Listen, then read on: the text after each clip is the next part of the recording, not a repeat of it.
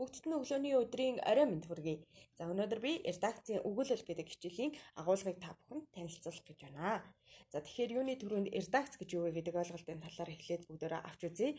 За сэтгүүл зүйн салбарт хэвлэл мэдээллийн байгууллага бүрэлдэн бий болгох. За тэрхүү хэвлэл мэдээллийн байгууллагыг хэсэг бүлэг хүмүүс нэгдэж бий болгодог. За тэгэхээр энэ хэсэг бүлэг хүмүүсийн нийтлийг редакц гэж хэлнэ. За редакц нь хувь хүн бүрийн нэгдлээс гадна тодорхой нэг өмнөө дэвшүүлсэн зорилготой за түүндээ хүрэх чин хүсэл эрмэлзлэлээр нэгтгэгдэж зангидагдж зангилагдаж байдаг ийм хүмүүс гэдгээрээ онцлог байгаа. За тэгэхээр редакцийн өгүүлэл гэдэг нь тухайн зорилгодоо хүрэх нэг баг хамт олонны үзэл санааг тусгасан мөн баримт нотлохоотой ийм зүйлийг редакцийн өгүүлэл гэж авч үздэг байна.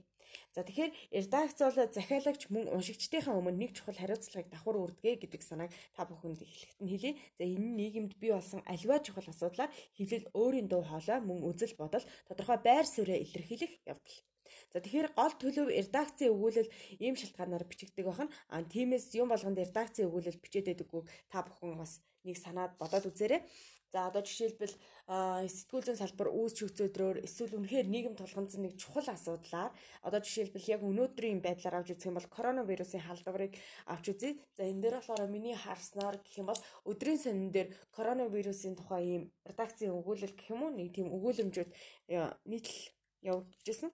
Энэ нь болохоор цуврал байсан баха. Би тэгж уншсан 2 дугаар дээр уншсан. Тэгэхээр энэ мэдчлэн редакц гэдэг зүйл нь өөрийн үзэл бодлыг тэрхүү нийгэмд үүсэж байгаа, нийгэмд үүсээд байгаа тэр тулгамдсан асуудал руу ингэж чиглүүлж өгдөгөр онцлог байна. Жишээлбэл одоо та бүхэн өөрсдийнхөө уншдаг сэтгүүл мөн сонин өдөр тутмын хэвлэлийг ингээд эргүүлээ бодоод үзээрэй. Редакцийн өгүүлэл гэсэн эрхлэгчийн зурвас, редакцийн зурвас, за асуудлын талаар бидний байр суурь, зурвас гихчлэн ийм нэртэй гарчигтай мэдээ мэдээлэлүүд тун ховор харагддаг шүү дээ. Нүүрэн дээр ингээд нилээгээл хаяа нэг харагдахаар бүр энэ юу юм болоо гэж сонирхол татвал тийм гоё битсэн асуудал хүндсэн ийм асуудлуудыг редакцийн өгүүлэл гэж авч үздэг байна. За редакцийн өгүүллийн бүтэц ямар байдаг вэ гэхээр энэхүү хичээлний маань агуулга тусгаснаар за гол төлөв сэтгүүл зүйн өгүүллийн бүтцээр бичигддэг.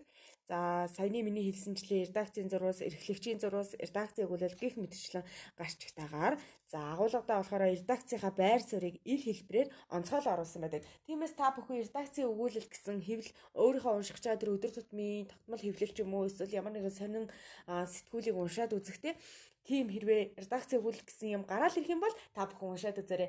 Тэрхүү бүтээлийн нийтлэлийн агуулга дээр за тухайн редакцийн агуулга тэр чигтээ бас ингээд нэвт шууд шигтгэгдэж зангилагдаж өгсөн байдаг учраас та бүхэн өөрөө ямар хэвлэл мэдээллийн хэрэгслийг сонгож байна а түүнийхээ редакцийн зурвасыг заавал нэг сонирхоод үзээрэй гэж хэлмээр байна. За ингээд агуулгадаа редакц өөрийнхөө байр суурийг ил хэлбэрээр онцгойлон оруулсны дараа хамгийн чухал зүйл нь болохоор мэдээж асуудал хөндсөн дэвшүүлсэн өгүүллийн бүтцийг ашиглаж үтгэнэ. Жишээлбэл одоо миний түрүүний ярьсан коронавирусын халдварын тархалт за мөн нийгэмд иргэд олон нийт юуг анхаарах ёстой вэ гэдэг ийм сэдвээр бичлээ гэж бодоход За асуудлаа хөндөх нь за мөн асуудлыг дэвшүүлэх нь хамгийн чухал болох нь. За тухайн асуудал нь редакцийн байр суурьаар дамжин олонний анхаарал өртөх, мөн олон нийтийн зүгээс түүнд ямар нэгэн байдлаар хандлага бий болохыг чухалчилдаг. За мөн зарим тохиолдолд уншигчдын анхаарлыг хэвлэл өөртөө татах улмаар тэдэнтэй санал бодлоо солилцох, нэгтгэх, өөрсдийн нийтлийн бодлого, үзэл баримтлалаа илэрхийлэх, ойлгуулахад хамгийн чухал нь чиглэгддэг байгаа. За тэгэхээр та бүхэнд дараагийн нэг чухал зүйлийг хэлэхэд цаг үеийн хамгийн чухал тодорхой асуудлаас үүдэн редакцийн өгүүллийг одоо бичгнэ гэдгийг та бүхэн анхаараарай. За жишээлбэл одоо би жишээ болгоод гурван зүйлийг авч үзье. Нэгдүгээр тусах тодорхой асуудалтай. Жишээлбэл одоо яг нийгэмд одоо үүссэн ч юм уу, нийгэмд яг тулгараад байгаа тэр асуудал асуудал нь дараах хэлбэрүүдээр илэрч болно гэж байгаа. За нэгдүгээрт нь юугаар илэрч болох вэ гэхээр асуудал нийгмийг хамарсан, түүнд хандах олон нийтийн оролцоог бий болгож дээшлүүлэх зорилготой. За коронавирусын халдвараас хэрхэн урдчлан сэргийлэх вэ? Иргэд юуг анхаарах хэрэгтэй вэ? Энэ бас сэдв. Аа хоёрдугаар гэх юм бол нийгмийн анхаарал тэр бүр өртөөгүй хэрнээ шуурхаа шийдэх ёстой гэж үзсэн асуудлыг сонгож олон нийтэд ойлгуулж тэдний анхаарлыг татах оролцоог бий болгоход чиглэгдсэн байна.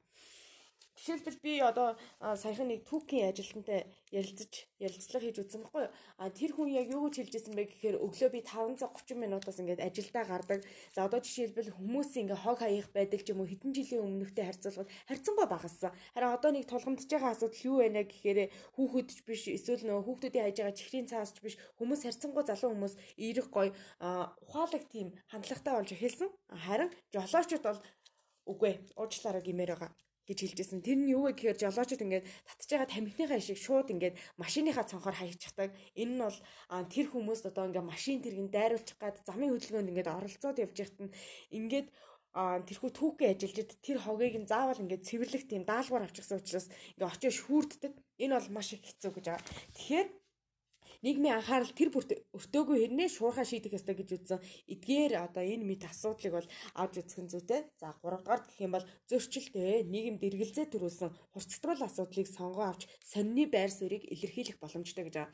За жишээлбэл одоо энэ жил коронавирусын халдвартай холбоотойгоор улс төрийн улсын хурлын сонгуулийг одоо хойшлуулах уу эсвэл яг тэр товлсон цаг хугацаанд хийх үү гэдэг талаар иргэд болон тодорхой сонин хэвлэл хэвлэл мэдээллийн хэрэгслүүд бол өөр өөр ингэсэн байр суурьтай байгаа. Тэгэхээр энэ бол хуцад мал за тэгэнгүүтээ нийгэмд эргэлзээ төрүүлсэн асуудал зүй ёсоор орох хаа гэж миний хувьд бодож байна.